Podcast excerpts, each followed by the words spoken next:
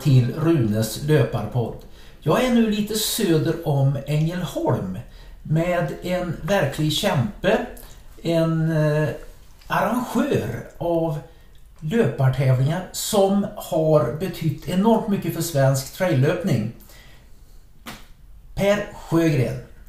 Ja, det stämmer det och det är kul att du tog dig hit Rune så vi kan prata lite gammal historia om vad som har hänt. För du har ju varit inblandad faktiskt mer i Kullamannen än vad du vet själv. Ja, Kullamannen det är ju det loppet som du kämpar med nu. Och att det har varit en kamp, det har ju varit helt klart genom åren.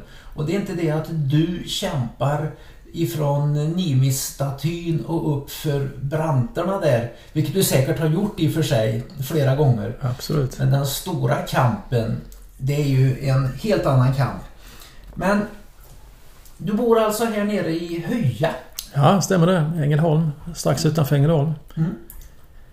Och det är väl en lång historia det här med tävlingar. Men egentligen så är det väl så här att jag är ju gammal fallskärmsjägare som du också Rune och eh, när den tiden började gå över så upptäckte ju vi att vi var ganska bra på att förflytta oss långa sträckor och vi började lockas av de här multisporttävlingarna som kom på 90-tal. Och framförallt så började vi lockas av de här fjällloppen. Så vi, vi anmälde oss till några sådana här... Eh, ja, vad hette de? Fem och allt vad de hette uppe i, uppe i Norrland. Och, eh, I Skottland var det? Ja, vi, men vi började i, i Norrland och, och sen så då tyckte vi att nu är vi mogna för de riktigt äventyren. För på den tiden fanns ju inte internet att tala om eh, i någon större reda. Men i alla fall så hörde vi talas om ett lopp som hette Kim som skulle vara världens tuffaste lopp. Och vi tyckte ju att vi var världens tuffaste människor. Så vi, vi försökte ju anmäla oss till Kim ju, men det gick ju inte så bra för de tyckte vi skulle börja i den lägsta klassen först. Och nej, nej, nej, vi är ju elitlöpare så vi ska börja i den absolut tuffaste. Och efter mycket tjat och om och med så tröttnade de väl på oss och de slängde in oss i elitklassen. Men vi visste ju inte om då att det var bara 80 utav 2000 löpare som var med i elitklassen. Och vi hade ingen aning om vad som väntade oss heller. Va? Och eh, det är en lång historia där sen som... Vi kraschade ju fullständigt på första loppet ju. Vi fick ju ge upp totalt ju. Vi gick rätt i kaklet där va. Så att vi var inte alls tränade för detta. Och det är väl ganska intressant för när vi kom hem så gjorde vi en crash-analys där och eh, började fundera på vem i helsike ska vi fråga? Vad har vi gjort för fel? Och då vet jag att jag ringde upp där när vi började prata löpning och då kröp det ju fram att du hade ju redan varit där på eh, 80-talet någon gång och ja, kört va? 92. 92 till och med ja. The, ja. The Dragons Back Race. Ja, jag vet. Det var ju legendariskt. En, once in a lifetime. Ja, Ja. Det, men det, de har ju tagit upp det igen. Ja, nu kör de löpande vartannat år tror jag. Ja. Ja. Eh, ett av de två lopp jag ångrar att jag har varit med i faktiskt. Ja, Men det var inte för att det var så särskilt tufft. Det var ju fem dagar. ja jag vet. Eh, Det- sammanlagt 32 mil och eh, två Mount Everest i höjdmeter sa de. Ja. Eh, så att, men det var inte det. Det var liksom bara det att... Det var väl dålig stämning va? Du fick väl Ja, inte dålig rättvis behandling? Ja. Nej, de, de, de, jag, jag fick ingen bra uppfattning om eh, trailrunner, eller med fellrunner som det kallas för. Nej. För det hade gått ett rykte innan jag kom. Jag kom ju med mössan i näven, ödmjuk, tänkte att ja, och sen var jag inte i bra form heller. För hade jag varit det hade jag åkt och sprungit Spartathlon som gick samtidigt, Ja, ja, ja. 92 då. Eh, utan tänkte att då kan jag springa det där istället. Ett äventyrslopp. Ett äventyrslopp och det var, det var kul. Man ska ha ryggsäck en viss eh, mängd.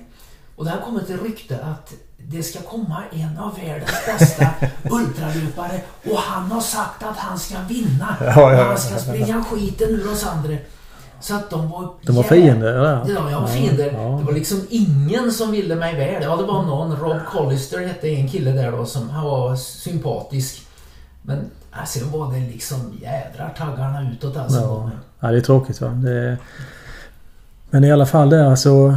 Vi fick ju några fina träningsår av dig och framförallt så upptäckte vi att det duger inte att springa tre milpass i veckan när man ska ut och springa bergslöpning utan det blir ju helt andra bullar.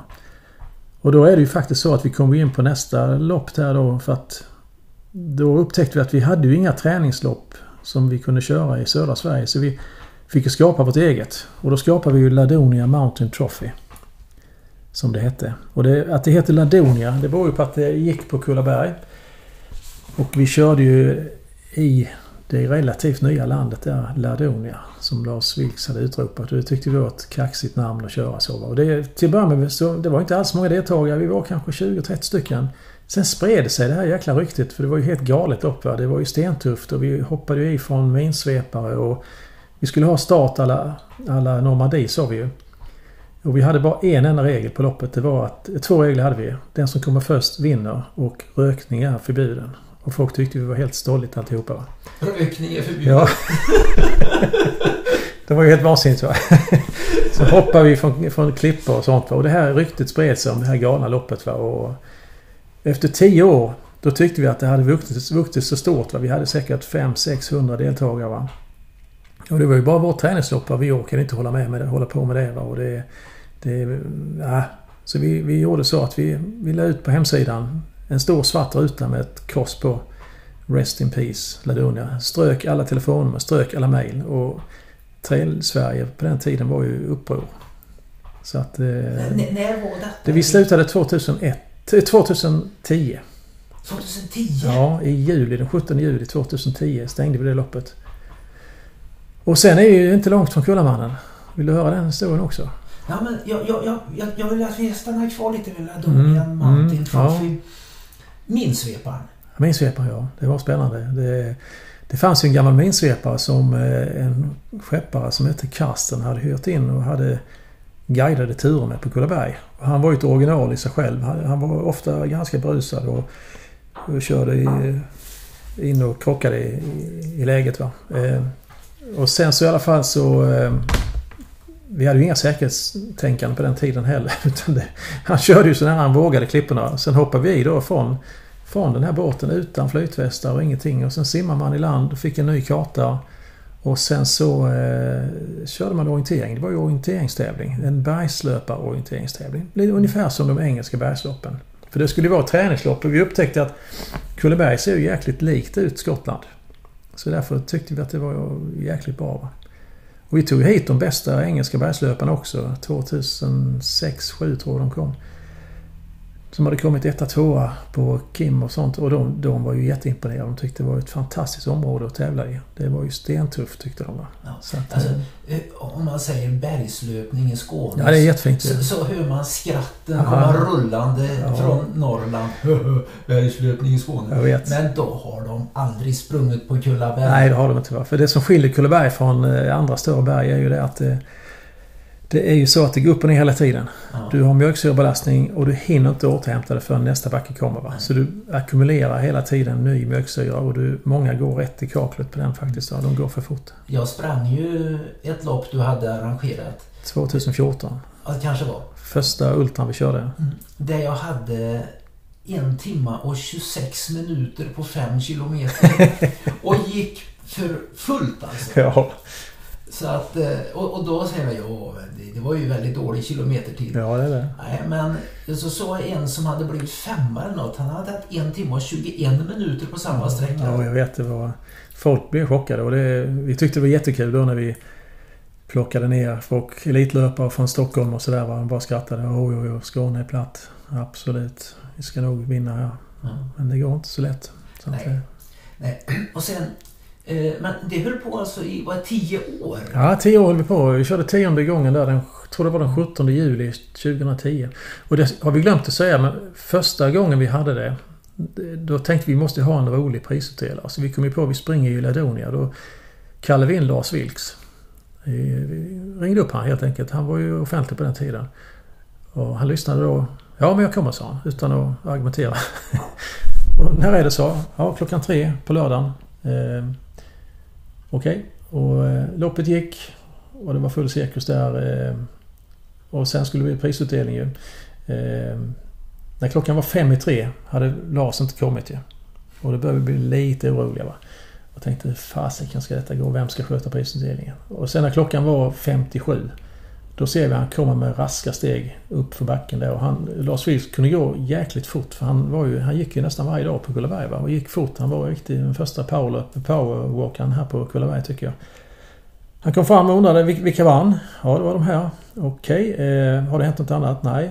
Tack så mycket, då ska jag börja prisutdelningen. Sen höll han en prisutdelning som varade i säkert 30 minuter. Och folk de vred sig i skratt va? och han var ju helt fruktansvärd. Han var ju sitt esse på den tiden alltså. Så det var kul. En fantastisk människa. Ja, det var det. Eh, Ladonien kan vi då berätta om. Var där han utropat en, en kvadratkilometer yta av Kullaberg Ja, till landet Ladonien. ja. Och, och, och de hade ju... Han var, var han där ständige statssekreterare? Ja, det var han. Ehm, Så hade de en prinsessa också och så hade de en, en hoppminister. De har ju massa konstiga grejer. Mm. Och jag tror det var 2007 som de förklarade krig mot Sverige också. Då då uppfann han massa sådana här märkliga vapen för han ville få svenskarna att skratta ihjäl sig. Ja, han, han gav ju... Gav han inte ut frimärke också? Det är mycket möjligt han gjorde. Och han hade ju pass man kunde köpa nere i eh, hamnkiosken i Mölle. Ja. Men, eh, Det, det var, vad var de kom från Bangladesh eller någonting som hade fått höra att de Ja. sökte ju asyl de sökte asyl, är väl- ja, ja, ja, ja. De trodde att det var ett riktigt land. Ja, så det blev lite drama där ett tag. När jag sprang tvärs genom USA 2004. Då sprang jag, det var Illinois, varmt som tusan och fuktig luft och sånt där som det kan vara i mellanvästern i USA. Mitt på sommaren. Då sprang jag förbi ett sånt där garage sale och vinkade på någon och frågade, och frågade om han ville ha Do you want something to drink? Jajamän. Eh, Så jag fick något där. Och snackade med dem. Jag är från Sverige och sånt där. Fick jag reda på. Jag hade inga svenska flaggor eller någonting. Nej. Det stod coast to coast. Jag höll mig alltid inkognito. Allt sånt där. Men då, jag har sprungit en kilometer, så kommer det en bil och kör förbi. Och då är det en man ungefär i 40-årsåldern. Och säger att ja, du, är från Sverige. Eh, Känner du till ett land i Sverige som heter Ladonien? Jajamän, sa han. Jag sa det att den ständige statssekreteraren har upphöjt mig till Lord av Ladonien. Ja, du ser, det är För fantastiskt. det var, Wilkes gjorde ju det med mig. Ja. Efter jag hade rott över Atlanten. Ja, Så att, ja, så han, "Vad- vad roligt. Du, jag sa, I, I, I collect eh, stamps from, I, han kallar det Cinderella countries. jaha, ja, ja, ja. Eh, ja, sådana ja. där s- land som inte finns. ja Kan du fixa mig precis. kontakt med, med Ladonien så jag kan få ett frimärke därifrån? så när jag kom hem så kontaktade jag ju Wilkes där och han, jag tror han ordnade det där. Ja, det tror jag säkert för de... eh, det- Jag tycker det är ganska roligt det där med Vilks faktiskt. Där, så att, eh, men han är mest känd för Nimis då ju. Bygget han gjorde där och det jag tycker jag har en intressant historia också för att det, det är väl 40-årsjubileum har väl varit va? Eh, Han byggde den flera år utan att någon visste om det. Och sen från ingenstans i mark som ingen människa på hela Kullaberg, inte ens Länsstyrelsens egna förvaltare har varit på på flera år. Så går ju ryktet om att han är där och bygger. Sen blir det ju full cirkus. Ja. Och det är ju en intressant historia. Men det, det är ju...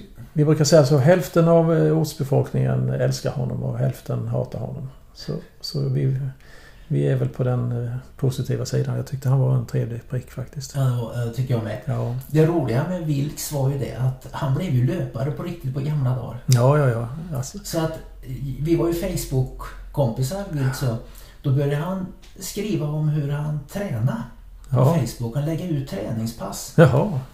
Och då var han ju över 70 år. Ja, ja, ja. Och det var från tröskeln där han bodde och full fart och stackars livvakter. De Ja, det- bekänna Ja, det var ju sen var han ju fruktansvärd på att gå i backar också. Ja. Och, och så jag sa det till honom det att, att hej, du kan behöva lite litteratur. Så att Ja. han fick eh, ett exemplar av min bok Löparglädje. Ja, men väl bra. Och sen såg jag att han omnämnde mig som sin löparguru. och det Ja. var väldigt stolt. Ja, men det är väl bra. Mm. Men så det, det var, han, var, han, var en, han var en av oss kan man säga. Ja, men det var han. Han var, det, han var fantastiskt rolig talare och eh, skärpt kille var det ju faktiskt också. Så att, eh, Jag har varit hemma hos honom en eller två gånger. ja, Eh, Det var tillsammans med, med eh, Jerry Rönnmark, han som uppfann eh, vätskebältet med flaskor. jaha, oj. Perfekta vätskebälte. Ja, perfekta känner jag igen. Ja. Ja. Och eh, han, han hade ju en stuga där i Arild. Jaha. Han lånade av Evangeliska Fosterlandsstiftelsen. Han började låna och låna. Han, Ja. det var ju han som, sponsrar hela upprustningen av den här Ja, ja, ja. stugan. Han var ju där i juli varje år med sin fru. Ja, Och eh, han bjöd ju in Vilks då. Ja, det är perfekt. Undrar om inte vi åt surströmming också. fy fan. Ja.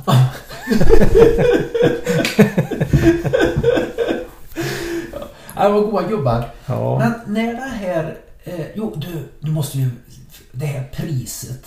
Den här trofén, Ja. plattan om Ladoni. Ja, precis. måste- Va? Ja, den kan vi berätta också om. När vi, det sista året när vi körde Ladonia då, 2010. Så tog vi fram en stor bronsplakett som var säkert 40 cm gånger 30 och, och säkert 5 mm tjock. Den göts av Mora bronsgjuteri eller vad de hette. Det blev en tung pjäs som vägde 5 kilo och sånt där. Och då skrev vi en minnestext att eh, på denna plats sprang Ladonia-löpare. Eh, många var kallade. Få klarade kraftprovet. Och eh, sen hade vi väl datum instansade. Sen gömde vi den på en speciell plats i, på Kullaberg som betyder någonting för oss. Och sen har alla människor försökt att hitta den och jag vet att Länsstyrelsen har utgett en belöning till den som kan hitta den här bronsplaketten. Skojar Nej, det är du? sant. Vad har Länsstyrelsen? Ja, ja, den- Anser de att det var en förorening? Ja, det är så. Från början så hade vi en uppsatt på en eh, klippa som låg jätteödsligt på norra sidan. Men sen när vi upptäckte att de, eh, de var ute och letade efter den så då grävde vi faktiskt ner den. Så den, den ligger i, i eh, skyddat material. Sen är den nergrävd till framtidens arkeologer som kanske en gång hittar den. Det är så jädra bra! Det är, Ja. det är precis som jag gör med mina medaljer vet du, Ja. som jag har fått på löpartävlingar. Ja, Eh, vissa medaljer de är ju heliga. Spartathlon-medaljer ja, ja. Men jag kan ju inte ha alla. Jag Nej. vet ju att när jag dör så kommer ju mina barn att slänga De slänger det direkt ju. Så Så jag har börjat gräva ner medaljer från lopp. Ja, Så Helsingborg Marathon som jag fick nu har Ja. jag ännu inte grävt ner. nej. Eh, men det ska jag göra. Och det betyder inte att det är att vanära en fin medalj. Nej. Utan det är precis tvärtom. Jag håller med dig 100% för det var så vi tänkte också va? Alltså, om, om jag gräver ner eh, den medaljen någonstans på en äng eller eh, ja, i en mosskant Mm. eller någonting så kommer den kanske att komma upp Ja och förbrylla mänskligheten om... Alltså, de är ofta gjorda av väldigt korrosionsbeständiga material. Va? Ja precis och vår är gjord av brons så den eh, är ju väldigt stryktålig. och sen, sen är det som jag säger, vi, vi, det här loppet betydde ju så jättemycket för oss och många andra. Va? Och sen när vi då stängde det va, så, så kände vi att den här, den här skylten kan vi inte bara ha hemma. med. Den hör ju hemma på berget där vi sprang ju, som ett minnesmärke. Och vi tyckte den kunde få sitta där på en berghäll på norra sidan som ingen människa eh, någonsin kommer att komma till. Eh, men det gick ju inte för då helt plötsligt så blev den ju ett villebråd. Och då tänkte vi då ska de få sina fiskar varma så då gräver vi ner den istället. Så nu kan de aldrig hitta den. Varför skulle eh, Länsstyrelsen bry sig om detta? Ja, när de fick höra att det satt en eh, bronsskylt ute som inte hade tillstånd så skulle den ju fångas. Nej, Så enkelt var det. Och vi kunde inte söka om dispens för det hade vi garanterat inte fått. Och Nej. dessutom är ju dispensen tidsbegränsad. Vi har faktiskt blivit experter på dispenshantering i vår långa envisa kamp med Länsstyrelsen. Det där tycker vi är ganska lika med Lars Vilks också. Att vi, det är ju lite grann eh, som ett konstverk det här kampen Ja. mot överheten. Lars Vilks, han var ju vad man kallar för processkonstnär. Va? Att eh, det var ju en process att eh, ha- hans, konstnär, hans konstverk skulle aldrig avslutas. De skulle bara pågå och pågå och pågå. Ja, jag vet. Han är fantastisk. Och det är samma med din... Eh, vad, vad brukar segrartiden vara på det här Ladonia Mountain Marathon? Alltså det var ganska snabba tider där. Det var väl någonstans mellan 15-20 timmar. Men det var långt på den tiden. Med ganska snabba tider, mellan 15-20 timmar. Ja, och då är det maxfart. För de sprang mycket fortare de här som... 15-20 timmar. Ja, Då snackar vi rejäl ultra. ja det gör vi. Absolut. Ja, Och, och du kan inte mäta ultra i kilometer. Nej, man mäter tid tycker jag. Va? Så att jag I, tycker, i, I detta fallet. Och då ska man tänka, för det här var ju 2000-tal. Det, det är som jag brukar säga, du levde ju ditt liv utanför vårt universum. När vi sprang milen sprang du ju Ultra och lite så. Även på 2000-talet. Det var inte, Ultran var inte stor i Sverige då Rune. Hur stor var den? Hur många löpare hade vi som sprang Ultra? Jag kan säga att 1987 det var då det, det började. Man kan säga att svensk ultradistans började i augusti 1984. Mm. I och med den första lejonbragden ja, i Lund. Ja. Eh, då kan man säga att därifrån har det varit en kontinuitet på något sätt. Och då var vi ett antal, men det dippade rejält 87, tror jag, 17 svenskar som någon gång under året sprang ett lopp längre än maraton. Ja, du ser. Ja, det, var, det var ju så vi brukar säga. Först kom ju milen, sen kom ju eh, halvmaran och sen kom ju maran. Stockholms maraton var ju länge det stora kraftprovet. Ja. Sen, eh, jag vet inte när det här brakade loss. För vår del när vi startade Kullamannen så...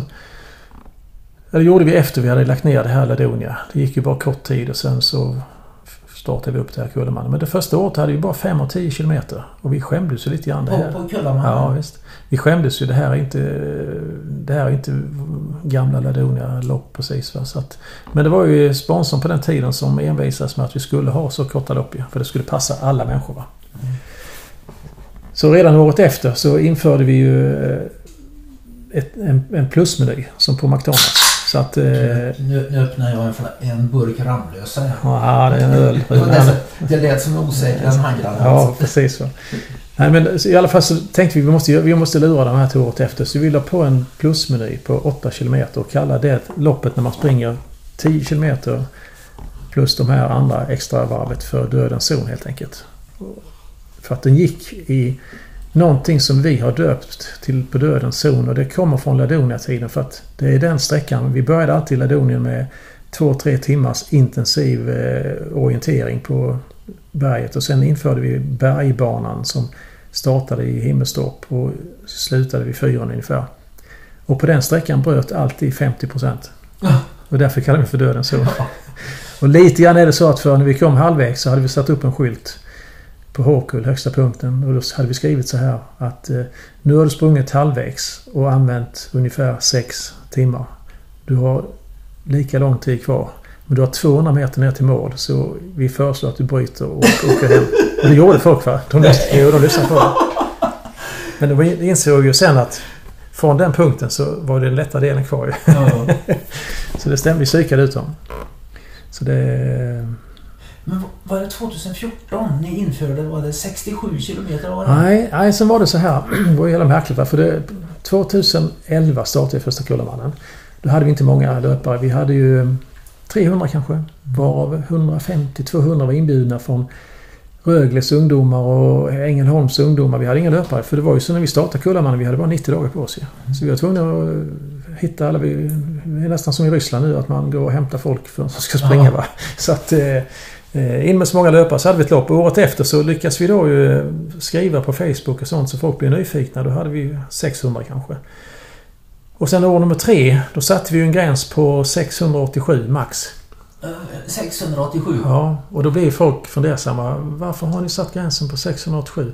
Jo, sa vi, det är lika många som red in i Dödens stad under Krimkriget under Lord Cardigan. Och ja. 119 kom tillbaka och det är ungefär mm samma antal som kan klara det här loppet. Och då blir folk som tokiga. Från den dagen så har det bara exploderat. Vi har så slut varje år blixtsnabbt. Va? Så, och jag tror det beror lite grann på att vi har en konstig approach till allting. Vi säger saker som inte låter riktigt klokt. Va? Och vi beter oss som vi vore galningar och lite så. Men folk gillar det ju. Så att det, vi går lite grann stick i stäv mot eh, övriga tävlingsvärlden på något sätt. Den lätta attacken, lätta brigadens attack. Ja, precis va. När de red in där. De red in i fel dalgång. Ja, ryssar överallt från alla sidor bara sköt de. Så att eh, de blev ju helt utmanövrerade. Det var ju Lord Cardigan som skötte det. Vad var det han sa?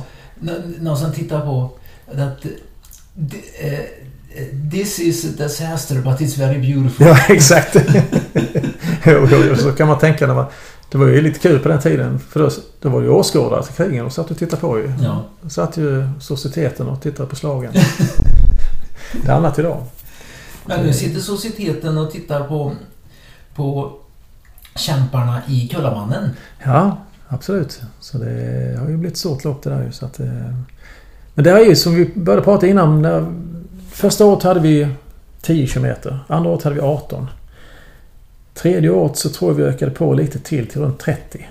Och sen kom ju det här 2014 när du var med va? För då skulle vi köra en Ultra. För då var Ultra som var det shit. Så då, då hittade vi en bana som var 44. Och då tyckte vi längre så här kan vi aldrig någonsin göra loppet. Va? Men det gick ju inte va? för att eh, det var ju hela tiden, vi ville ju vara det tuffaste loppet i Sverige men det kom ju alltid lopp hela tiden som vi är det tuffaste, vi är hit och dit. Va? Och året efter klippte vi till med 66. Mm. Och sen, sen kom ju 100 milesloppen i Sverige och vi tyckte fan vi kan inte köra 100 miles på Kullaberg, det går inte. Va? Så vi satt där och kved i två, tre år va? till 2017. Och då hade vi den berömda kräftskivan på Kullens fyr. När vi sitter där och är lite uppretade, förbannade. Va? Och, och vi det är? Det är jag, Ulf Öhman och Peter Nyberg och några till som var med på den på det tillfället. Va? De killarna jag körde multisport med Ja, exakt. Det stämmer det. Va? Så att, eh, vi drack snaps och åt kräftor. Gjorde galna anteckningar på papper. Dagen efter så hittade vi en servett där vi har ritat långa slingor. 200 miles skulle vi springa då, kom vi fram till. För att finns det 100 miles i loppet ska vi göra dubbelt så långa. Mm. Så vi började prata om 200 miles. Men sen tror jag vi ringde upp dig och och då sa du väl något sånt här att du trodde att det fanns 200 100 i Sverige 2017. Men jag tror vi fick 300 vid första anmälan. ja, det var helt galet alltså. För folk var ju som tokiga ju. Då hade vi vårt första 100 2017 då ju. Ehm, och då bröt ju 67 procent. Ja, det var ju nästan som i, i... Dödens dal. Dödens dal. Ja, ja. Och sen, det var likadant andra året va? Och tredje året va? Så det vi... Mm. Men det blir bara värre och värre det här loppet. Va? För vi ökar ju på. Eh, när det var som värst då hade vi ju start i Båstad. Runda hela Bjäre. Ner mot Mölle och sen tre och ett halvt varv på Kullaberg i mörker. I november. Ni springer ju förbi där också där eh, det sjunde inseglet ja, ja, spelades in hos Halla. Ja, det är fantastiskt. Där eh, men var det Gunnar Björnstrand eller vem det är som sitter där? Nej, Max von Sydow. Ja. Gunnar Björnstrand jag var döden. Vem är du? Jag är döden. döden. och det, där springer man ju, de är ju precis förbi där alltså. Jag brukar skoja om det på något inlägg ibland att eh, när man väggar på Kullamannen så kan man lätt leva sig in i den filmen. Och ja. Man ser i dimman någon mystisk gestalt komma. Och då ställer sig en del frågan, är du, vem är du? Jag är död, han säger. Har du kommit för att hämta mig? Nej, men jag har länge vandrat vid din sida, sa han då. Och sen brukar jag skoja, ska vi springa om det? Så säger, så, säger, så säger döden, ja, jag är en ganska skicklig löpare. Okej, okay. så får man nya krafter igen. Så vi gör en liten travesti på döden där. Ja, det är underbart.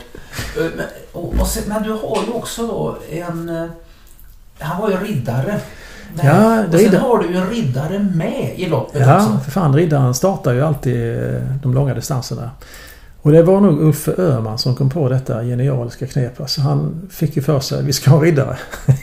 ja, men vi kan ju ta en riddare. Det är ju inte, det är inte medeltidsveckan i Visby vi ska köra. Jo, jag ska vara riddare med. Det är jättebra. Riddare ska vara med på berget. För historien bygger, alltså Kullamannen Namnet kommer från den gamla legenden om Kullamannen och det är en tusen års gammal historia. Om en riddare just det. Så därför tyckte Uffe en riddare ska vi ha. Och när vi hade riddaren första gången det blev ju stor succé. Va? Och andra gången, folk var ju som tokiga. Alla ville komma och se riddaren och klappa hästen och fotograferas med riddaren. Och år tre hade vi bekymmer för då två, tre veckor innan loppet skulle gå så dog ju hästen. Nej! Jo, det var katastrof. Det, och då var det den första stora krisen i Kullamannens historia. Hur skulle vi få tag i en ny häst? Men han, eh, riddaren själv lyckades faktiskt hitta en ersättare så det gick att lösa. Men eh, för vi, han hade, riddaren hade blivit så populär så vi, vi ville verkligen ha riddaren med. Och det, jag tror inte det är något annat lopp som har en riddare faktiskt. Han berättade, jag pratade ju med ja, riddaren. Ja. Han har ju varit stuntridare i Arne-filmerna till exempel. Ja, ja, jag vet. Det, han är fantastisk ja. Mm. Så det, det är verkligen kul med riddaren tycker jag. Ja, han, han har ju studerat den gamla eh, riddarnas eh, stridsteknik och ja, ja, ja. ja. Så han berättar ju då, de har ju sett på gamla skelett var de hade skador, skelettskador. Ja. De har grävt upp och sett att där fick han första hugget och hade han fått ett hugg där så var det mer eller mindre kört. Ja, visst är det så. Jag var ju faktiskt på tal om hugg så det finns ett jäkla intressant museum på Gotland. Där de har gjort utgrävningar om slaget mellan danskar och gotlänningar 1361. Och det visar sig att 70% av alla döda gotlänningar har ju fått benen avhuggna. Ja. Så de hugger benen av dem först och sen... Ja, det, var det, det, var det han sa också. Ja, sen hackar de ner dem med en liten påk. Han kallades Taurus eller någonting? Ja, något ta riddare Taurus heter han ja. Ja, stämmer det. Och han berättade att, att eh, de får ett eh, hugg nere på underbenet och sen är det över. Ja, sen kan du inte gå. Ja. du kan varken fly eller någonting va. Så att... Eh... Ja men riddaren var väl kul när vi fick med tycker jag. Ja. Eh... Den där riddaren och överhuvudtaget med eh, Kullamannen. Det är ju det är, ju, det är ju mycket mer än ett lopp. Va? Ja, det är ett mer lopp. Det är, ju det är en, en kulturhändelse. Ja, det är det. Vi försöker ju... Exakt. Vi, det är mycket mer än att loppa. Det är en, det är en upplevelse. Det är 5% som springer för tiden och resten springer för upplevelsen. Det är en speciell känsla tror jag där. Och jag tror det är att vi på något sätt har lyckats attrahera en viss typ av människor som kommer ner och så blir det ju som en häxkittel där när alla träffas. Va? Och det, folk gillar ju den här konstiga approachen vi har. Va? Liksom att vi, vi drar inte banorna lätt. Vi bryr oss inte om om det regnar eller stormar. Eh, mörker spelar ingen roll. Från början hade vi faktiskt loppet på våren. På Kristi himmelfärd. Sen skiftade vi till alla helgon. Ja. Och det var väl inte så dumt kanske. Nej, men det är ett problem med, alltså du är ju som Vilks. Vilks han låg ju i ständig strid med myndigheter, med Länsstyrelsen och bland annat. Va? Och vad jag har förstått så har ju auktoriteterna där inte varit glada i att nu överhuvudtaget dra ut så mycket folk i naturreservatet. Nej, och det är eh, väldigt fascinerande tycker jag också. För att det är så här att vi startar ju 2000... Ja, vad sa vi? 2001 va? Och på den tiden var det inga problem utan vi ringde bara förvaltaren. Han hette Arne Jönsson och sa att nu har vi en tävling här på lördag. Är det okej? Okay? Jaha, ja, det är inga problem, sa han. Det brukar inte vara några bekymmer. Så höll vi på med detta till... Ja, vi höll på med detta eh, långt efter vi hade startat Kullamannen. Vi körde Kullamannen 2011, 2012, 2013 och 2014 Men sen efter 2014 då, då, tyckte de att då hade ju loppet blivit så stort och nu måste vi verkligen förankra detta då. Så att eh, verkligen ingen människa kan klaga på att vi har arrangerat lopp i ett naturreservat. Och eh, det är klart, Kullaberg är ett naturreservat men det är ett väldigt speciellt naturreservat. Det är inte som Sarek. Det är ett litet område på 6, 7, 8 kilometer, kanske 1-2 kilometer brett och det besöks av närmare 800 000 människor om året. Och här finns en golfbana, här finns en asfalterad väg, här finns 18 hus, ett naturrum och en fyr på detta lilla område. Och så finns det ett par stora stigar där enligt Länsstyrelsens egna siffror besöks av närmare 400 000 vandrare varje år. Men då 2014 då skulle vi då skicka in en dispens och då sa de så här till oss att det är bara en formsak. Det är bara att skicka in. Det kommer inte bli några bekymmer. Mm. Och sen small det ju. Herregud i djävulen alltså. Det var ju helt makalöst. Det, var ju som eh, Don Quijote och väderkvarnarna. Det var ju det ena mest korkade uttal. Ja, det var ju så dumt liksom. Vi skulle ju kunna... Vi skulle svara på frågor om löparnas skor på något sätt skulle kunna kunna innebära föroreningar på berget. Eh, om pannlamporna kunde störa fåglarna. Vi skulle, vi, skulle, vi skulle ha med utredningar på detta och eh, det har ju varit så mycket konstiga grejer och vet, vi hade ju alltid, förra världen hade vi alltid en säckpipblåsare med på loppen. -huh. Och då 20, när vi skulle ha 2015 så ansökte vi om dispens som vanligt. Typ. Och då ansökte vi, för då skulle vi fylla i precis att vi har ju alltid haft en säckpipblåsare där. Han blåser lite grann i utanför eh, reservatet eh, när starten går. Står han och spelar lite grann. Lite häftigt tycker vi. Lite bergslopp i Skottland och så. Men då får vi dispensen. Vi får dispens då men vi får inte använda en säckpipblåsare. För vi skulle ha en säckpipblåsare och då stod det klart tydligt. Kullamannen förbjuds att använda en säckpipblåsare vid start. Och då kunde jag inte hålla mig för jag tyckte det här var så jävla dumt. Så jag skrev tillbaka till dem. Tack för påpekan. Jag förstår vad ni menar. Det blir ju ingen harmoni med en säckpipblåsare. Så vi, nu ansöker vi om 20 istället. Går det, går det, går det, går det bättre? Och det var väl kanske inte den smartaste idén. Jag, jag kunde inte hålla mig. För att när jag ser dumheten sticka upp sitt tryne så blir jag förbannad. Va? För vi störde ingen med den säckpipblåsaren. Va? Eh, men vi fick ju inte ha varken en eller 20 säckpiplossare. Men eh, vad är det mer för dumma grejer? Sen var det något år då när vi skulle... Eh, vi fick en hel lista på djurarter som riskerade att störas och då var det bland annat eh, en fjälluggla som inte visat sig söder om Dalälven sedan 1940 och en gråsäl som de oroade sig för om den kunde tas upp på stigarna och löparna kunde störa den. Nej, Jo, gode gud. Jo, men det är alltså... En gråsäl kan ju inte tas upp 150 höjdmeter på stigarna. Nej, det, det, är svårt. jag hade svårt för det till och med. Ja, ja, alltså, ja jag vet. Så det, ja, det kryllar ju av sådana här mer eller mindre idiotiska påståenden. Jag, jag förstår väl att de kanske vill... Eh, vi har försökt bevisa för dem att eh, vi har ju haft... Vi har ju en 40-sidig dispens varje år. Och där är ju kontrollpunkter så före varje lopp så måste vi gå ut med ett par förvaltare och mäta med linjal.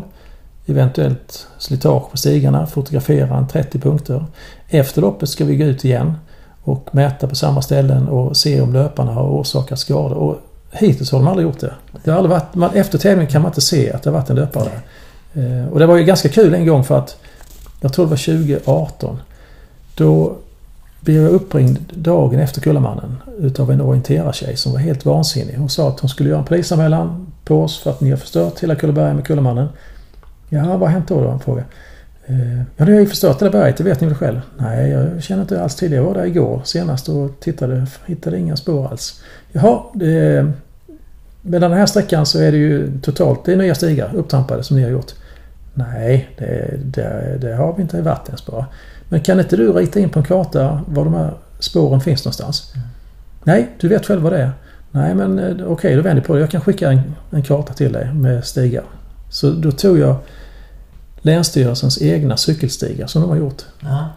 Som de inte hade tryckt upp på kartan ännu. Så fick hon GPS-filer på dem och så svarade hon efter det. Exakt, detta är de stigarna som era löpare har förstört och jag har gjort en polisanmälan.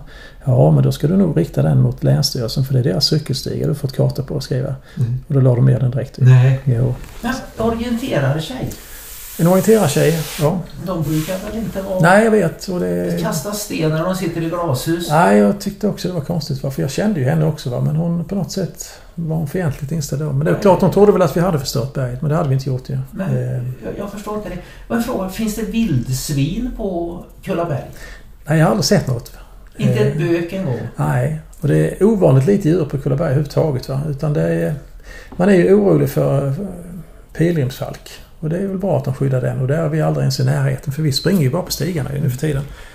Och sen kan man väl säga så också att vi flyttade ju från Kristi himmelfärd redan 2013 eller sånt där. I ett led. För att de tyckte ju att eh, eftersom orienterare inte får springa under vårdperioden i maj och framåt så tyckte de att det var inte bra om vi sprang, hade vårt lopp under Kristi himmelfärd som alltid gick då i maj. Mm då tänkte vi att nej, men det kan vi flytta då. Vi vill inte vara bråkstakar utan vi vill gärna försöka göra det rätta och eh, känner ni att det är bättre så kan vi hellre köra i hösten. För då, då sa de så här till oss att om ni flyttar till hösten och till alla helgon så kommer allting att gå mycket lättare. Det kommer inte bli några problem alls. För här är inga besökare under alla helgon. Då gjorde vi det. Tror du att problemen minskade? Nej då. Inte det? För varje eftergift vi gör så får vi tre nya krav på oss. Va? Så att det går aldrig fel. Va? Så att, eh, men det är lite utvecklande också va? för att man har ju fått läsa in sig på alla regler och förordningar och Natura 2000 och eh, naturreservat och det ena och det andra. Men så reagerar jag alltid när det blir sådana här konstigheter. Att Länsstyrelsen har ju egna mätare. Och under perioden mars till och med augusti som är den känsliga tiden för djurliv, fågelliv och eh, allting. Där har man mätt upp att man har ungefär 800 000 vandrare och besökare på våra stigar som vi springer på. Men vi får inte under 36-48 timmar skicka ut ett antal hundra löpare på olika stigar. För det är inte... Alltså, I, i, i, i eh, månadsskiftet oktober-november? Ja, i totalt mörker. Där de enda besökare som är på berget om det är alltså det är våra löpare i princip och plus ett hundratal till som har vandrat när man tittar på besökssiffror. För vi har ju alltid 1950 på fyra olika lopp. Men det de inte riktigt har förstått, vi har försökt förklara det i alla år att om vi har 500 anmälda i ett lopp som startar i Båstad. Så när de har kommit till Ängelholm så är de utspridda 3-4 timmar. Ja. Och de går, för de har slutat springa. De går och småjoggar emellanåt. Och en del eh, springer väl kanske lite fortare. Men de, de flesta människor går fort och stannar och vilar. Och umgås och pratar. De stör varken människor, djur eller någonting. Och det finns inga djur på Kullaberg i november att störa. Så det, det är jättekonstigt alltihopa. Men det är lite grann, jag tror... Man vill försöka... Jag tycker nog att vi är för kaxiga va? Ja. Att vi eh, Men tar för mycket utrymme där på något sätt. det här Kullamannen, Mm. eh, det här... Det, när de startar i Båstad, hur långt blir det? Det brukar variera men det blir ju i år tror jag det är 163 kilometer. Och det har ni mätt att det blir det? Ja, 163 är uppe i år. Ja. Ett tag så var den uppe i 185 och det är ju... Det är också en grej som normala människor chockeras över för när vi... Vi brukar säga så att den är plus 100 miles. ja. Alltså den är, den är mer än 161 men tillräckligt lång. Så den kan variera mellan, för vi ändrar alltid lite bana mot slutet så då vill vi inte lägga ut nya filer. Utan då, ibland är det 162, ibland kan det vara 169, 179. Och det är ganska kul när folk springer och tror att de ska springa 161 km och sen inser de att de har 15-17 km kvar. Va? Då bryter de ihop. Ja. Det här bryta ihop i det loppet. Jag beundrar ju alla de som... Eh, alltså, det, man startar ju någon gång på för, tidig förmiddag. Ja, det gjorde man förr. I år ska vi starta klockan sex. Klockan sex i år. Ja, på kvällen. På kvällen. Ja, Ni börjar med mörker direkt. ja, Eh, Men om vi tar det som jag sa eh, från Båstad, ja. tidig förmiddag. ja. Så springer du platt Ja. i sju mil nästan. Det räcker nog inte. Jag tror det är platt i nästan 100 km. Alltså 10 mil. Jättefint, jätteunderbar löpning Ja. utefter eh, Bjärekusten där ja. Där. Ner till Arild. Mm. Men då är det lite grann så här för ofta i nio fall av tio så är det ju eh, sydvästlig vind som drar in. Och ofta blir det lite regn på det också. Va? Så att man springer i konstant motvind. Blir blöt, farten går ner, man börjar bli nerkyld, man har klär sig för dåligt. Många, många går för fort på placken. Mm. Och det går jättebra tycker de. Jag ligger här i mitt 4.10, 4.15 tempo. Det är väl inga problem. Och sen kommer de till Arild. Och så smack så är det så träffar de väggen. Ensamma i mörkret. Ehm, Ja, det, det, de bästa tänder pannlampan i Arild. Ja, De, genomsnittet tänder den någonstans, ja, vadå? Eh, s- mellan... mellan i Ängelholm tror jag nog är. där, Så att det, solen går ner 16.22. Så då har de varit ute länge. Och det är det, då har de inte tänkt på att den här, den här löpningen som har pågått under hela dagen va, i 10 timmar ungefär. Då är sugit musten och alla glykogener och allting Ja. sånt va. Och sen helt plötsligt ska de springa berg. Ja. Och det finns inget kvar va. Sen kommer bergen och då är det en slinga där uppe. Ja, Och den slingan går upp och så går den ner till Skälderviken. ja och så upp igen. Och sen och den går ner till faktiskt en Nimistatyn. Var den nära? Ja, det var vi hade vi flera år. Men sen eh, tyckte ju då Länsstyrelsen att där fick vi inte springa. Och då retade de upp sig på att vi på något sätt spred reklam om Nimis. Att vi drar ner folk från hela landet som fick se Nimis. Och det ville man inte. Så då ropar man ut att stigen är för sliten och där får vi inte springa. Men då backar vi där också. Så då ändrade vi banan. Så körde vi den till Håkulsmal heter det. Till någonting vi kallar för Dödsbacken. För den hittar vi under eh, Ladonia. Och det är alltså, man kommer ner och sen är det nästan som en vägg i löv och lera. Och du har varit där själv och Ja. klättrat va? Det året när du körde så föll ju danskar överallt och de kasade ner ju så. så att det, Ja, eh, man, någon ropar sten och så Ja, kom ja. det stenar studsande. Jag, jag vet att jag fick tag i en hasselbuske ja, och drog mig upp. Och så det, jag var smutsig upp till, upp till eh, handlederna. Och Ja, varför var jag det? Jo, jag hade ju grävt mig upp. Jag hade ju precis gått va. fyrhjulsdrift så att säga. Upp. Det, Det var där det, jag hade, det var där jag hade en timme och 26 minuter på Ja. fem kilometer. det, är Och är tuff. stolt över det. Ja, ja för fan. Det är det som är det. Man får en chock alltså. För man får en chock när man inser att krafterna finns inte. Och jag har 66 km kvar. Mm. Och jag är döende nu. Det här går inte va. Och sen kommer de in i... På den tiden gick man ju in på Grand Hotel. In i, eh, i deras restaurang i bottenvåningen. Känner jag. Ja, det var varmt och skönt Ja, och så. ljus, ljus och fint Ja, och ja, ja. massa mat. Ja, och, mat och sto- stolar och... och då, då, då snackar vi alltså att, att de bästa kommer till Grand Hotel, då är det ännu mörkt. Ja, det är det. Och resten, då är det mörkt. Ja, det är det mörkt. En del får till och med två, två nätter ju. Vad sa du? En del får ju till och med två, två nätter. De, Ja, ja. de går in i mörker och sen kommer de ut på dagen och sen går de in i en ny natt. Ja. Det kräver lite styrka. Men jag måste säga att jag är också imponerad av alla som... Framförallt de som kommer tillbaka. För det är faktiskt så att man tror inte att det är sant men det är många som kraschar första gången. Och de kan krascha andra gången också för det är en dålig dag. För du vet ju själv att eh, har man inte den här rätta dagen så eh, är Kullamannen stentufft för vilken elit som helst. Va? Och sen kan de komma tillbaka den tredje gången för att verkligen klara det. Va? Och det är ju, krävs ju mod tycker jag att ställa sig i ett lopp där nog ingen vet om de kommer klara det. För vi har ju sett elitlöpare som har gått rätt i kaklet flera ja, gånger. Va? Ja, herregud. Men det, det ner och så stenigt. Ja. Stenar Ja. och vågorna från Skälderviken Ja. skvalpar. Och du ser ingenting. Du ser inget. Du Nej. har pannlampor. Ja, ja, Vinden tjuter och sen upp till. Åkull.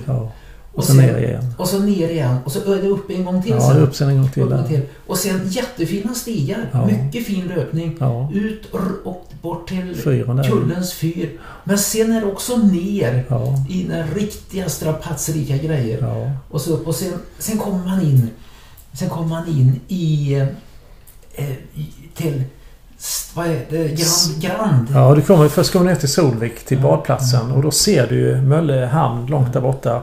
Sen springer du upp till Grand Hotel, gjorde vi på den tiden.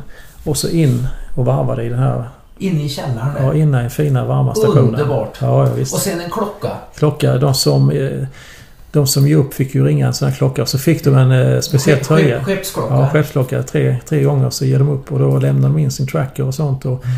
Sen ger vi dem en Broken Arrow-tröja. Så vi har ju inte gett några finisher-tröjor. Vi ger bara Broken Arrow-tröjor till de som bryter. Mm. Det, är så jävla, det är så jävla fantastiskt.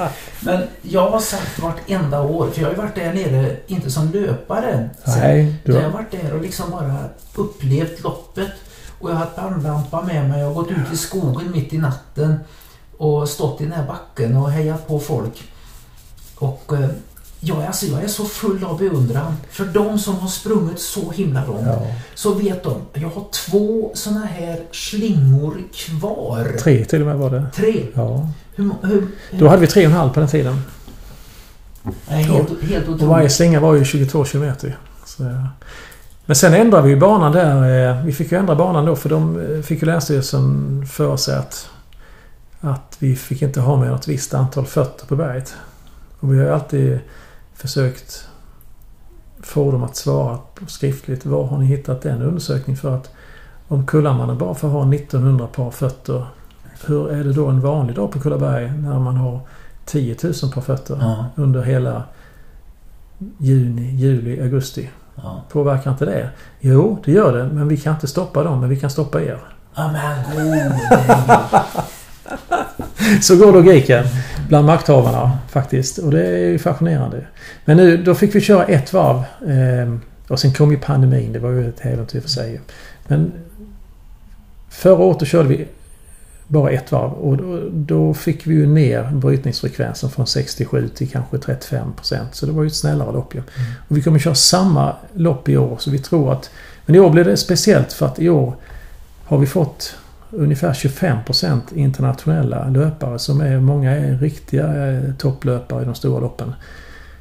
Och fart, det innebär att de har inte sprungit på Kullaberg innan. Farten kommer att bli hög första 50-100 kilometerna. Och jag tror de kommer att dra med sig mycket folk som kommer att bryta. Och de kommer att få bryta själv. För de kommer att klä sig för lätt och de kommer att bli utsatta för sydvästen och hällregn och sånt. Så jag tror att vi kommer att få se eh, betydligt högre brytningsfrekvens i år. Men sen är det så att till nästa år, då har vi ett skop som du inte vet om. Vi ska ändra på hela Kullamannen faktiskt. Så vi ska flytta eventcenter från Mölle till Båstad. Okej. Start i Mölle. Och då kör vi tre varv med 100 km, 100 miles. De får köra tre varv och sen ska de springa sina 100 km Ja. till Båstad. Och då ska vi sätta en tidslimit på 12 timmar nere i Arild. Så man ska inte kunna ha någon eh, blåbärsplockelöpning precis. Utan här måste du hålla tidsschemat. Max fyra timmar på varv i mörker. Det blir ingen blåbärsplock.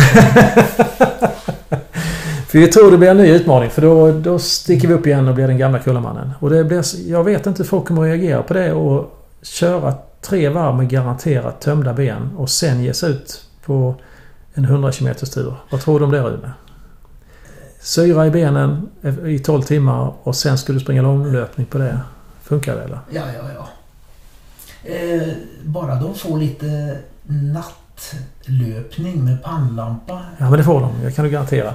De kommer få eh, minst 12 timmar nattlöpning. I, och det är... Där tänder de pannlamporna när de kommer till Arild kanske. Ja, men nu kommer de att få tända direkt vid start. För jag tror vi startar klockan 12 igen. 12 på dagen? Nej, 12 på natten. 6, 6, klockan 18 på kvällen tror jag vi ska starta. Klockan 18 på Så kvällen? du startar i mörker och du får 13 timmar mörker första varven där. Va? Så de snabbaste kommer att springa i mörker hela tiden innan de går ut på långlöpningen. Och då, tänd, då släcker de lampan i Arild istället. Ja, ja, ja. ja. Och då får de kanske medvind istället. Ja, kanske. Eh, du var ju på...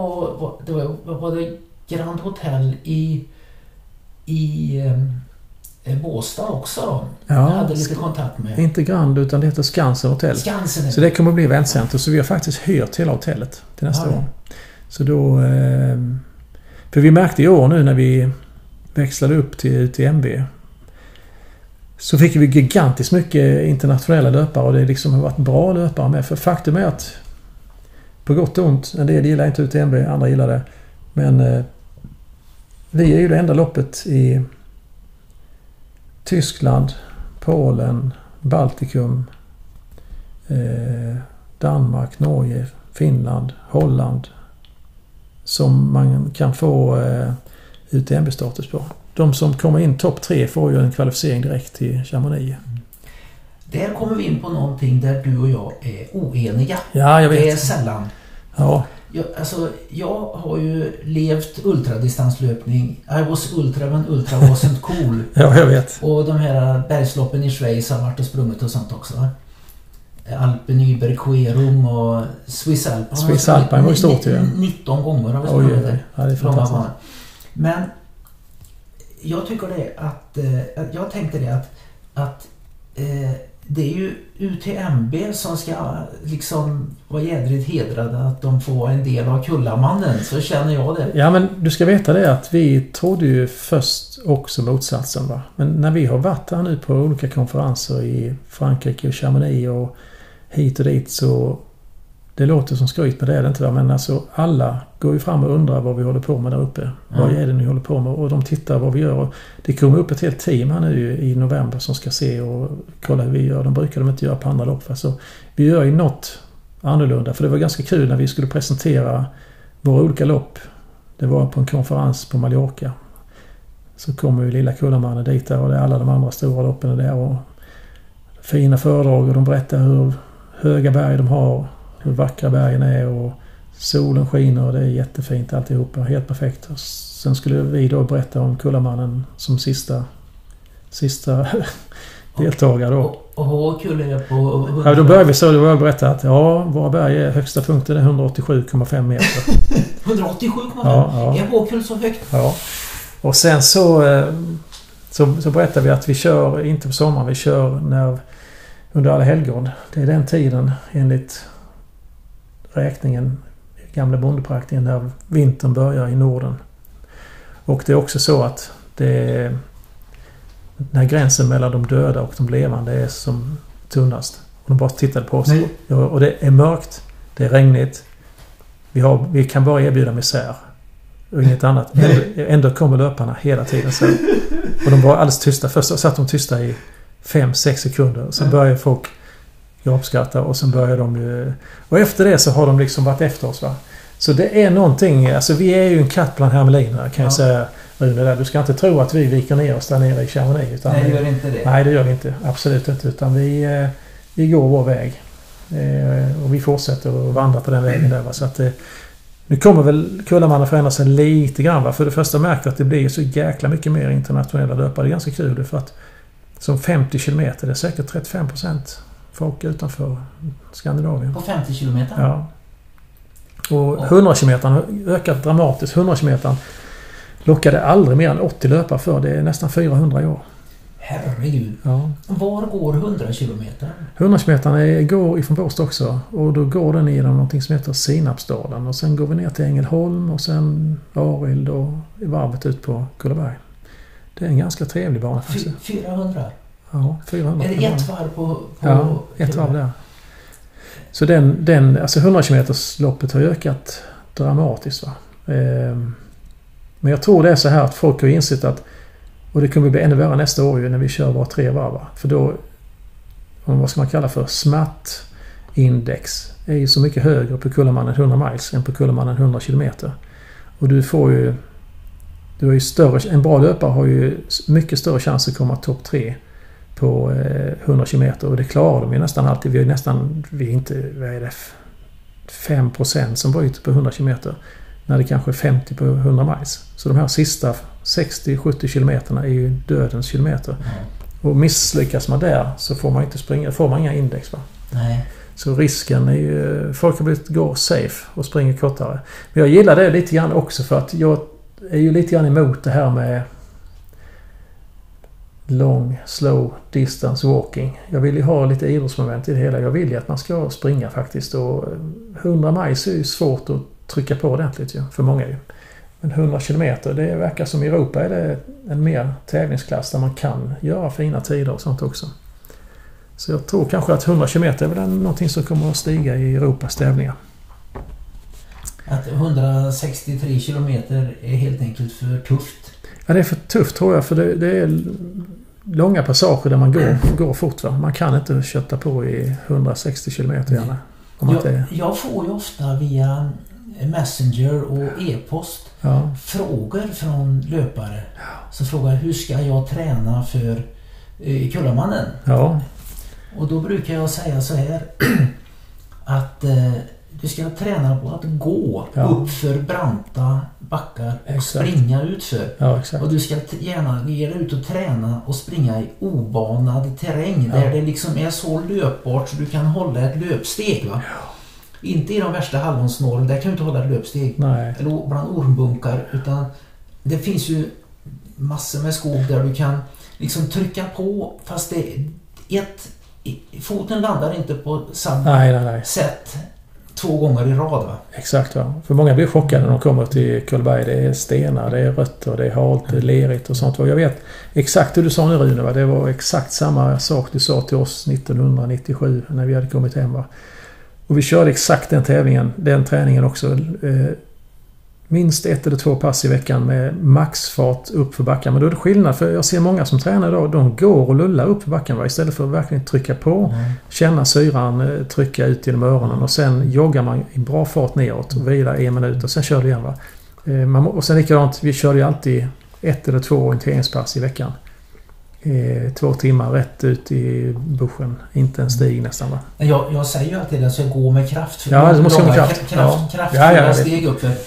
För, att, att då tränar du eh, de musklerna över muskelns hela rörelseomfång. Mm. Så att eh, det är... Men jag tror det saknas faktiskt eh, skolning på hur man ska träna terrängultra. Jag tror många hade, haft, hade behövt en träningscoach. Kanske är ett nytt jobb för dig Rune. Ja, det ställer jag på. Jag har, jag har ändå aldrig tagit betalt för Nej. att hjälpa någon med löpning. Nej, men det är väl bra. Och äh, de får, ja vad kostar det om du ger mig råd om Aldrig tagit betalt. Nej. Ingen tog betalt av mig sa. Nej, så brukar jag också säga. Så, alltså, Där är vi se- lika. se- det blir fickebös i alla fall som vi säger. Det, Ja. Du kan inte ta några hundralappar. Nej, det får någon göra. Ja, men Men jag, sen, sen har jag ju sett... jag fick ju en e-post från en som ville ha råd om löpning och som berättade om någon som han funderar på och, och eh, ja, att bli coachad av och den tog 550 kronor i månaden. ja, ja, ja. Sen vet jag en annan som tar 3000 för första träffen och 1000 kronor i månaden för att coacha på distans. Ja. Jag tänkte att ja, folk får göra vad de vill med sina pengar. Det finns olika sätt att tjäna pengar i livet. Va? Men jag brukar tycka så också att det finns alltid ett sätt att, eh, vad ska man säga, Ger man saker så förr eller senare så får man tillbaka något annat. Va? Ja. Jag tror det. Va? Ja. Så att eh, man ska inte vara så... Vad var det han sa? Var det inte i Gudfadern? Vad vill du ha för att du gör detta för mig? Då? Din vänskap, Exakt, när, eh, det är väl när han har blivit skjuten, sonen. sonen där ja. Och så kallar han upp begravningsentreprenören där va. Då, det var allt han ville ha var hans vänskap. Men Precis. sen kom det en dag då den här vänskapen, det var läge att aktivera den. Ja, men du rörde ihop det. Så är det. Han, han kom ju... Vad är det han heter? Eh, begravningsentreprenören kom ju till gudfadern på hans bröllop, dotters bröllopsdag Ja. och vill ha en tjänst. Han vill att han ska mörda någon och det gör han inte. Va? Och sen säger han bara att, eh, som du säger, att någon dag kan, du, kan det hända att jag söker upp dig. Och det gör det ju några år senare när hans son blivit ihjälskjuten. Nu är det dags för dig att Ja. betala tillbaka. Ja. Du ska fixa min son. Det, det var Lidingöloppet Ultra vet du, som Ja. var 50 kilometer. Eh, då, då, och det var ju min stora kärlek till ultradistans och det var ju 2007, 2008 tror jag gick första Ja. gången. 2007, då var ju ultradistans enormt obskyrt och Mm. då var det min dröm att någon av de stora aktörerna med kraft va. De har ju kraft, Stockholm Marathon, Ja, Lidingöloppet och ja. de. Vasalopp och allt vad det heter. Mm. Att någon av dem skulle ta sig an ett ultralopp och då kommer Lidingö Ultra, 50 kilometer. Och då frågar de om jag kan komma upp och ge dem råd. Jajamän, jag kommer upp dit till Lidingö. IFK Lidingös kansli. Och eh, så frågar de så här. Ja, vad vill du ha för detta nu då? Och då sa jag just det. Er vänskap. Det räckte. Ja. Jag tog ingenting betalt Nej, för det. nej. Jag vet inte ens om jag tog betalt för resan för jag kanske hade ett ärende till Stockholm med en föreläsning i alla fall. Men är det, finns, det, finns det loppet kvar? Nej, nej. Nej. Varför slutade det då? Det blev ifrånsprunget av andra lopp. Mm. Det var plötsligt så, så kom ju ultraboomen. Mm. Men det ska sägas till vissa lopp skall ha credit för att de har påverkat svensk löpning. Förutom Stockholm Marathon då som är uppenbart. Lidingöloppet, Stockholm Marathon. Göteborgsvarvet får man väl nämna. Göteborgsvarvet. De. Och så faktiskt eh, Lejonbragden i Lund Ja, ja, det var ju en banbrytare ju. arrangerades fyra gånger. Ja. Att det hade gått till exempel Hälsingeleden uppe i Hälsingland. Att den hade gått fler gånger än... Den gick ju nästan i tio år. Mm. Men den, det blev ingen kontinuitet i det. det liksom, Nej. ändå är det det roligaste lopp jag har sprungit nästan. Ja, det finns ju många roliga Ja, små s- lopp. Va? Så att, Och sen, sen kommer ju då eh, till exempel eh, ja, Kullamannen har ju definitivt, det är ju därför jag är här hos dig nu. Kullamannen är ju också ett av de loppen som har eh, liksom brutit is och satt en standard. Men Lidingö Ultra 2008 det, blev, det hände någonting där. Lidingö Ultra legitimerade lopp längre än maraton för det, det finns lite grann ett före och ett efter. Ja, men det håller med dig till fullo där. För att det var ju en banbrytande sak som hände. Va? Vi märkte väl det... Var det 2014 när vi körde första Ultran? Vi, hade ju, vi, tyckte det här var ett jävla vågspel. Det här vågar vi inte ge oss på. Va? Men eh, det blir ju slutsålt hur snabbt som helst. Va? Och efter det har ju allting bara gått längre, längre, längre, längre. Va? Och jag, frågan är... Folk pratar ju 200 majslopp och äventyrslopp på veckor och jag vet inte var det ska sluta Rune. Men du är ju äventyrslöparnas föregångsman. Det, eh, jag, jag brukar sitta som eh, ung orienterare barn. Kanske var 10-11 år. Började med orientering när jag var Ja. 9-10 år. Sitta på en världskarta och dra. Ja, ja, ja, det är spännande. en, en, en kontroll där nere någonstans i Alperna och sen har vi en kontroll i Spanien där och sen så går vi tillbaka upp och har en i Holland. Alltså det är det som är problemet tycker jag för att Tyvärr är det så att eh, folk nu för tiden har ju jättesvårt att läsa karta. De har ju sina GPX-klockor och sådana grejer. Och det, framtiden för långa lopp tror jag är att om, man- om, man, om man kan använda sig och lägga GPS-filer som man kan läsa på klockan och sen ha enstaka checkpoints. För du kan inte snitsla Nej, det går inte. 300 kilometer. Va? Det finns ingen möjlighet ju. Nej. Och, men däremot checkpoints och eh, En slags linjeorientering. Ja, en linjeorientering med vissa kontrollpunkter där man kan Ja. få lite försörjning och kanske Ja. få tag i en dropbag och vila lite grann och ladda batterier. Och... Det var Men- kul. Men du, du har gjort mer än bara arrangerat löpartävlingar. Du har ju arrangerat eh, eh, resor till Transylvanien har du varit rätt mycket. Ja, absolut. Jag var med på en sån Ja, resa. du varit med där. Och det var helt otroligt. Ja. Alltså de där bergen där. Jag har ju varit i Alperna och sånt. Men bergen i Transylvanien, det var ju wow! Ja, men Herregud! Det är mycket speciellt. Och sen är det ju fantastiskt att åka dit för man... Jag vet inte om det är 50 eller 100 år tillbaka i tiden man kommer va. Där man slår ju gräs med lie och häst och vagn körde man i början när vi var nere ju. Eh, När var det vi åkte ner? Var det 2013 första gången? Och sen var du med 2014 tror jag. Ja. Men det är längre historia än så va, för att det är faktiskt så att den startade ju redan 1967. Den sommaren när man visade svartvita skräckfilmer i Sverige. Ja. Och då vet jag att jag satt i en sommarstuga och såg på, på Dracula. Ja. Jag blev mest fascinerad av bergen och tänkte fasiken vilka berg tänkte jag. Det här är ju häftigt. Va? Och sen, sen är det så att sen, sen bara försvann det ju.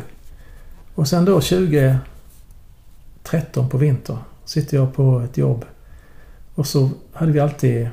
Det kom alltid en städerska någon gång i... På, ja, onsdag varje vecka kommer en städerska. De kommer ofta från olika länder då. Så jag brukar alltid hälsa på dem och fråga var de kommer ifrån. För jag tycker det är spännande att möta nya människor. Och så kom jag till den här damen då. Frågade om hon kom från Rumänien. Så jag bara så. Jaha, spännande. Eh, Okej. Och så var det inget mer med det för jag kunde inte prata med henne. Och sen eh, satt jag och slösurfade på datorn där vid lunchtid. Och satt och kollade på ett lopp som heter Transalpine Run. Och så kände jag bara att det var någon som stod och tittade verksamt på mig. Så tittade jag så stod tanten där då. Och så bara pekade han så. We have much better mountains. Mhm, mhm. Och så säger jag Where? Transylvania. Ah, direkt nu har jag chansen dit. Oj, oj, oj, oj, nu har jag chans. Mitt livs chans har kommit. Va? Så frågar jag Känner you know anyone? Yes, brother. Ah, okej. Okay. Do you have mail? No, wait. Tar fram sin telefon så ringer hon upp Mm. brodern va. Och så snackar de då på rumänska. Och sen så fick jag en e-mailadress. Och sen så, så skrev jag ett långt mejl. Det här är ju rena drömmen tänkte jag. Då skrev jag att vi vill göra ett lopp i Transylvanien. Vi vill... Det ska vara äventyrslopp, det ska vara stentuffa, det ska vara kulturella upplevelser, det ska vara en... Ja, hela loppet ska ha en speciell storytelling kring sig Smack i mejlet. Sen satt jag 22.30 plingade till i datorn hemma. Eh, bifogad fil, avsändare.ro. Ett brev från Rumänien. Aha, är det här virus eller är det inte virus? Nej, jag måste kolla vad det står va. Och då har jag ett helt upplägg. Och då berättar den här killen att de försöker köra ett lopp där nere men de får inte till det. De får inga löpare och det ena och det andra. Och så tänker jag, fan vi har ju alla svenskar här. De är som tokiga va. Så vi sa till honom att vi bestämmer ju träff med honom då först ju. Eh, och då åker jag och eh, en kille som heter Rolf Haftell som inte är med oss längre. Eh, för detta specialsoldat ner. Och hustrun är med och någon son och så. Vi ska åka ner och träffa den här killen va. Men det enda jag kände till om Rumänien på den tiden det var ju, det var ju rumänsk maffia, prostituerade och romer och eh, eländes elände. Va? För jag, det var allt jag visste om Rumänien. Och vi åker ner dit och upptäcker att det här är ju ett jäkla fint land. Ja. Och så ska vi träffa den här killen men för säkerhets skull så gör vi ett riktigt sånt där agentöverlämnande. Så vi kom ju på torget i Brasov från varsitt håll, spanade runt ett hörn på mötesplatsen som är en fontän mitt på torget och vi ser bara en tanig kille som står där. Vi kollar noga, ringer till varandra. Ser du några andra med vapen någonstans? Och så nej, inga. Verkar vi går fram och konfronterar honom då va. Från två håll ju. Det visade sig att det var den här killen då ju. Han stod där med en liten ICA-kasse då, eller något plastkasse. Och sen eh, var vi uppe i bergen och sen beslutade vi att på, var det i september året efter, vi skulle köra en, en scoutresa. Då tror jag du var inblandad där. Vi kallade ner 36 testpiloter som sprang av hela, Ja. hela Butchech-bergen då. Och året efter så gjorde vi loppet Transylvania Trail Traverse i Rumänien. Det är ju björnar, hundar, allting var helt annorlunda. Det är ju det mest viltrika landet. Ja. Stora rovdjur. Det finns ju inget land nej, i, nej. på, i Europa som har sån täthet, densitet som man kan säga, ja, ja. av björnar och vargar. Alltså. Du vet, jag tror det finns eh, eller sex, och, mellan 6 till 8 000 vargar på en yta som är lika stort som upp till Jönköping ifrån Skåne här. Och sen finns det väl en 10-15 000 vargar och järvar och allt vad det är. Va? Så att det är ju helt tokigt. Va? Så Ja. det, det, roliga är, vi hade ju en kille som vann. Han vann ju tre gånger tror jag. Men varje gång så blir han ju attackerad av björn. Attackera! Ja, ja, ja. Första gången då ledde han ju med flera timmar ju, loppet ju. Eh, så kommer han ner, det är bara 50 km kvar. Eh, och han kommer ner till en checkpoint vid eh, en eh, Mountain Rescue station. Och på vägen in ser han, springer in så ser han ögonvrån. Ah, det kommer en björn från höger. Så han springer allt vad han kan, hittar en bil öppen, kastar sig in i bilen. Och björnen går runt och luktar och sniffar i en och en halv timme. Han sitter vettskrämd där inne. Sen ser han att björnen lullar iväg till sist och då sticker han allt man kan. Va? Men, Han la en och en halv timme på att sitta och vänta på björnen. händer det... Ja, ett rovdjur är ett rovdjur. Ja. Men eh, de verkar ju vara rätt eh, oskygga för folk. Alltså. Ja, de är... Alltså, det, rumäner eh, har ju en annan förkärlek. Är, väl- Rumänien är väl ungefär som vi var under pandemin. Att alla människor ska ut i naturen och vandra och grilla och härja. För så gör ju alla rumäner. De åker från eh, Bukarest rätt upp i bergen när helgen kommer och tillbringar bergen i, och grillar och eldar och slänger kött i skogen och då hittar ju björnarna mat. Och, så de är ganska oskygga. Men det, det händer ju att folk blir slagna och så. Men det är oftast vad jag har förstått så är det folk som är på fyllan och har grillat och sen ska de ju ta selfies med björnen och de ska mata. Va? Och till sist blir björnen förbannad. Va? Och då smäller det. Så Det är inte så bra va. Arrangerar du fortfarande sådana resor? Ja, vi har körde ingen nu under pandemin ju. Eh, Men vi är alltid sugna på att åka ner. Va? För att alltså, Rumänien och Transylvanien är i, i östra Europa. Det är ju ett fantastiskt område. Ja, det, det är ju så under, underexploaterat Ja. för svensk turism så det är ju skamligt. Ja. Alltså de, den, drama, den dramatiska topografin där nere. Där du hade massa canyons Ja, och ja, ja. raviner och... Det var så Det är fantastiskt. fantastiskt. Va? Det är ju ganska kul när man möter folk där. Alltså det finns inga, inga turister där. Det är bara vi som är där på döpare. Men det finns vandringsleder. Ja, jättemycket. Toppstuga. Ja, ja, ja, ja. Omo Peak, fantastiska vandringsleder och det är så väl utmärkt va? och det är jättebra. Och så när man sitter där kanske på 2000 meters höjd så tittar några rum- rumäner på oss. May I sit down here? Så en del kan engelska då ju, studenter. Yes. Och sen stirrar de på henne så Why are you here? Mm. Oh, because I love this country. Oh, du love this country? Oh, Mm. oh. Som är man helt plötsligt bästa vän. För jag älskar faktiskt landet här. Jag Ja. tycker det är ett trevligt land. Men det har ju hänt en del roliga grejer när vi på till Länsstyrelsen. Så när vi, hade, vi körde loppet två gånger så gjorde vi löparkamper. Men sista året vi körde då eh, var det ju stressigt. Och dagen innan tävling så kom ju eh, en polispatrull upp med fyra man med kulsprutor och började fråga efter race director. Och alla pekade på mig. Mm. Det är inte bra där tänkte jag. Mm. Så kom det fram en sträng gubbe. Ja, you race director. Yes. You follow me here. Mm. Kommer de med kulsprutorna. Och jag tänkte fan nu eh, blir jag avrättad här. Nu jag, måste jag göra något. Så jag tog tag i en rumänsk guide. You follow me. Alltså, Mm. rätt in i bilen där, en tjej. Och sen åker vi bort till en militärbas. Jag tänkte det här är inte bra. En militärbas med beväpnade rumänska poliser här. In i ett sånt här rum som vi sitter i nu, Rune. Ett skrivbord och en sträng eh, officer framför mig. Och eh, börjar prata. Where is your permission? Ja, vi har ingen permission. Okej. It will cost very much money. Jaha, men varför det då? Ja, du får inte springa på asfaltsvägar. Asfaltsvägar? Ja, det kostar pengar. Hä? Aha, do you have a map? Yes. Ja, okej. Vi ska inte springa här. Vi ska springa här i bergen. Ja. Efter en halvtimmes diskuterande då. So you're not running on asphalt? No. Okej, you, are, you are free. Så tar han fram en flaska, flaska sån här plommonbrännvin. Slivjovic. Ja, det heter... eh, Vad heter det? Palinka heter det på rumänska ju. Två glas. Slå upp. Skål. Saludos. Ja, då var vi fri där. Och det var ju lite kul. Men sen när vi åker tillbaka så tycker då guiden att du måste prata med borgmästaren fall i fall. Ja. Okej. Sök upp borgmästaren. Förklara läget. Okej, så borgmästaren. No permission, big problems. Permission, no problem. Just call me. Okej. Hur köper man permission då? You talk to me. Okej. How much costs permission? 100 euro. Okej. Can I have a receipt? No. Nej, ja, ja, ja, ja. Så det var mycket lättare att få tillstånd i Rumänien än vad det var att få tillstånd av Länsstyrelsen. Och när vi hade tillståndet där så var det inga problem alls. Nej. Du bara ringer borgmästaren. Du, men nu är det en grej till med dig. Mm. Du har ju Kullens fyr. Ja, precis. Vi har fått en fyr också. Det är mycket som händer i livet som är... Och Kullens fyr det är ju en av de mest klassiska fyrarna i Sverige. Ja, det måste vara den klass, mest klassiska tycker jag. Den är ju från 1561, fyrplatsen. Sveriges högst belägna, mest besökta, Sveriges ljusstarkaste. Mest historia. Så det är 500 års historia. Och det är också en slump för att det var ju faktiskt så att jag kom dit första gången 1967. På skolresa. Då var jag inte gammal ju. Eh, men då blev jag bergtagen på Kullaberg och jag blev bergtagen på fyran. För det som gjorde mig intresserad var detta att fröken förklarade att detta är en mycket farlig plats vi ska till. Eh, det händer att folk dör där. Och då tyckte jag det är fantastiskt när vi åker på en skolresa där folk kan dö. Det här Ja. var ju riktigt spännande. Ja, det- Så vi var ju eld och lågor där. Ja, det var stort ju. Eh, och sen fick vi se fyren med fyrmästaren och sånt. Och sen gick ju tiden.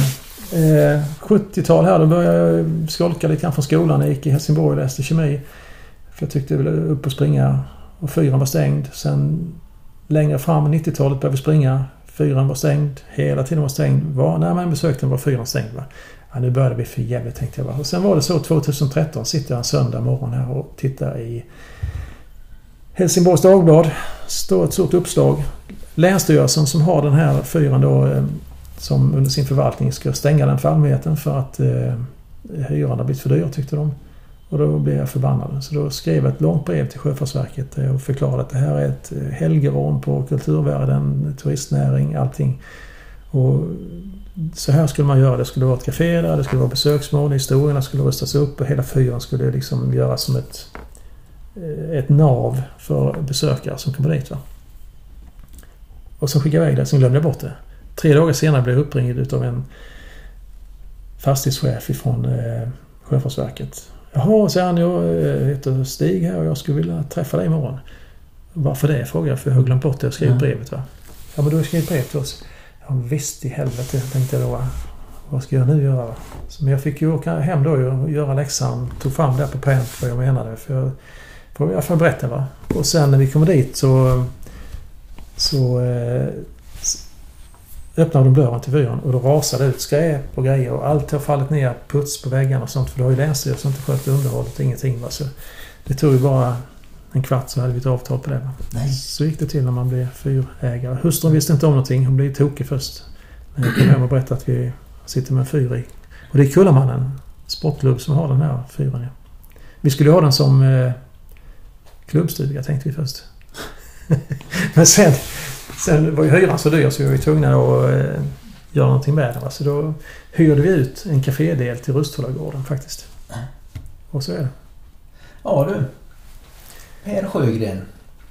Du har gjort mycket för svensk eh, traillöpning framförallt. Enormt mycket. Och eh, det är ju det som jag beundrar mycket med de som är villiga att offra en så stor del av sin fritid och sitt liv på att se till så att andra får idrotta. Ja, det är lite speciellt där och det är, det är många som undrar frågan varför gör ni Kullamannen? Och faktum är att vi har aldrig kunnat svara på den frågan. Jag tror det är som du säger en liten payback till det vi själva hade när vi sprang i bergen. Att vi vill visa folk vad man kan göra faktiskt och göra det på ett annorlunda sätt. För det fanns inte många tävlingar när vi startade som var lite annorlunda faktiskt. Så det är väl så vi har sett det. Du vill vara med och skapa något. Ja, lite grann ge tillbaka till eftervärlden kanske. Och det har ni gjort. Ja, på gott och ont. Nej, jag ser det. Det är väl bara Länsstyrelsen som inte vill att det ska blåsa säckpipa i Mölle. Precis, och de 67 procent som bryter och tycker vi är förjävliga. Nej, de kommer tillbaka sen ju. Så att det, det, jag tror vi är ganska populära. Det finns säkert någon som retar sig på oss, för det är alltid någon. Men det, vi försöker gå vår väg och vi bryr oss inte så mycket utan vi, Mm. vi kör på. Jag ser fram emot eh, att eh, eh, det kommer, och det är fler än 67 procent som, som kommer i mål i alla fall. Ja, Men svårt ska det vara. svårt ska det vara. Och det ska vara ett sånt där lopp som man tänker att jäklar, kunde jag verkligen göra detta, då är jag inte dålig. Nej, men det, är- det är kul också när man ger sig in i ett lopp som det är högst osäkert om man kommer att klara. Det är ju verkligen lockande i sig bara det. Istället för ett lopp som alla klarar. Har du? Nej, jag får tacka för att jag får komma hit. Tack Och, själv eh, Rune. Tack själv. Det har varit en upplevelse och eh, på återhörande från Runes löparpodd. Vi hörs. Hej!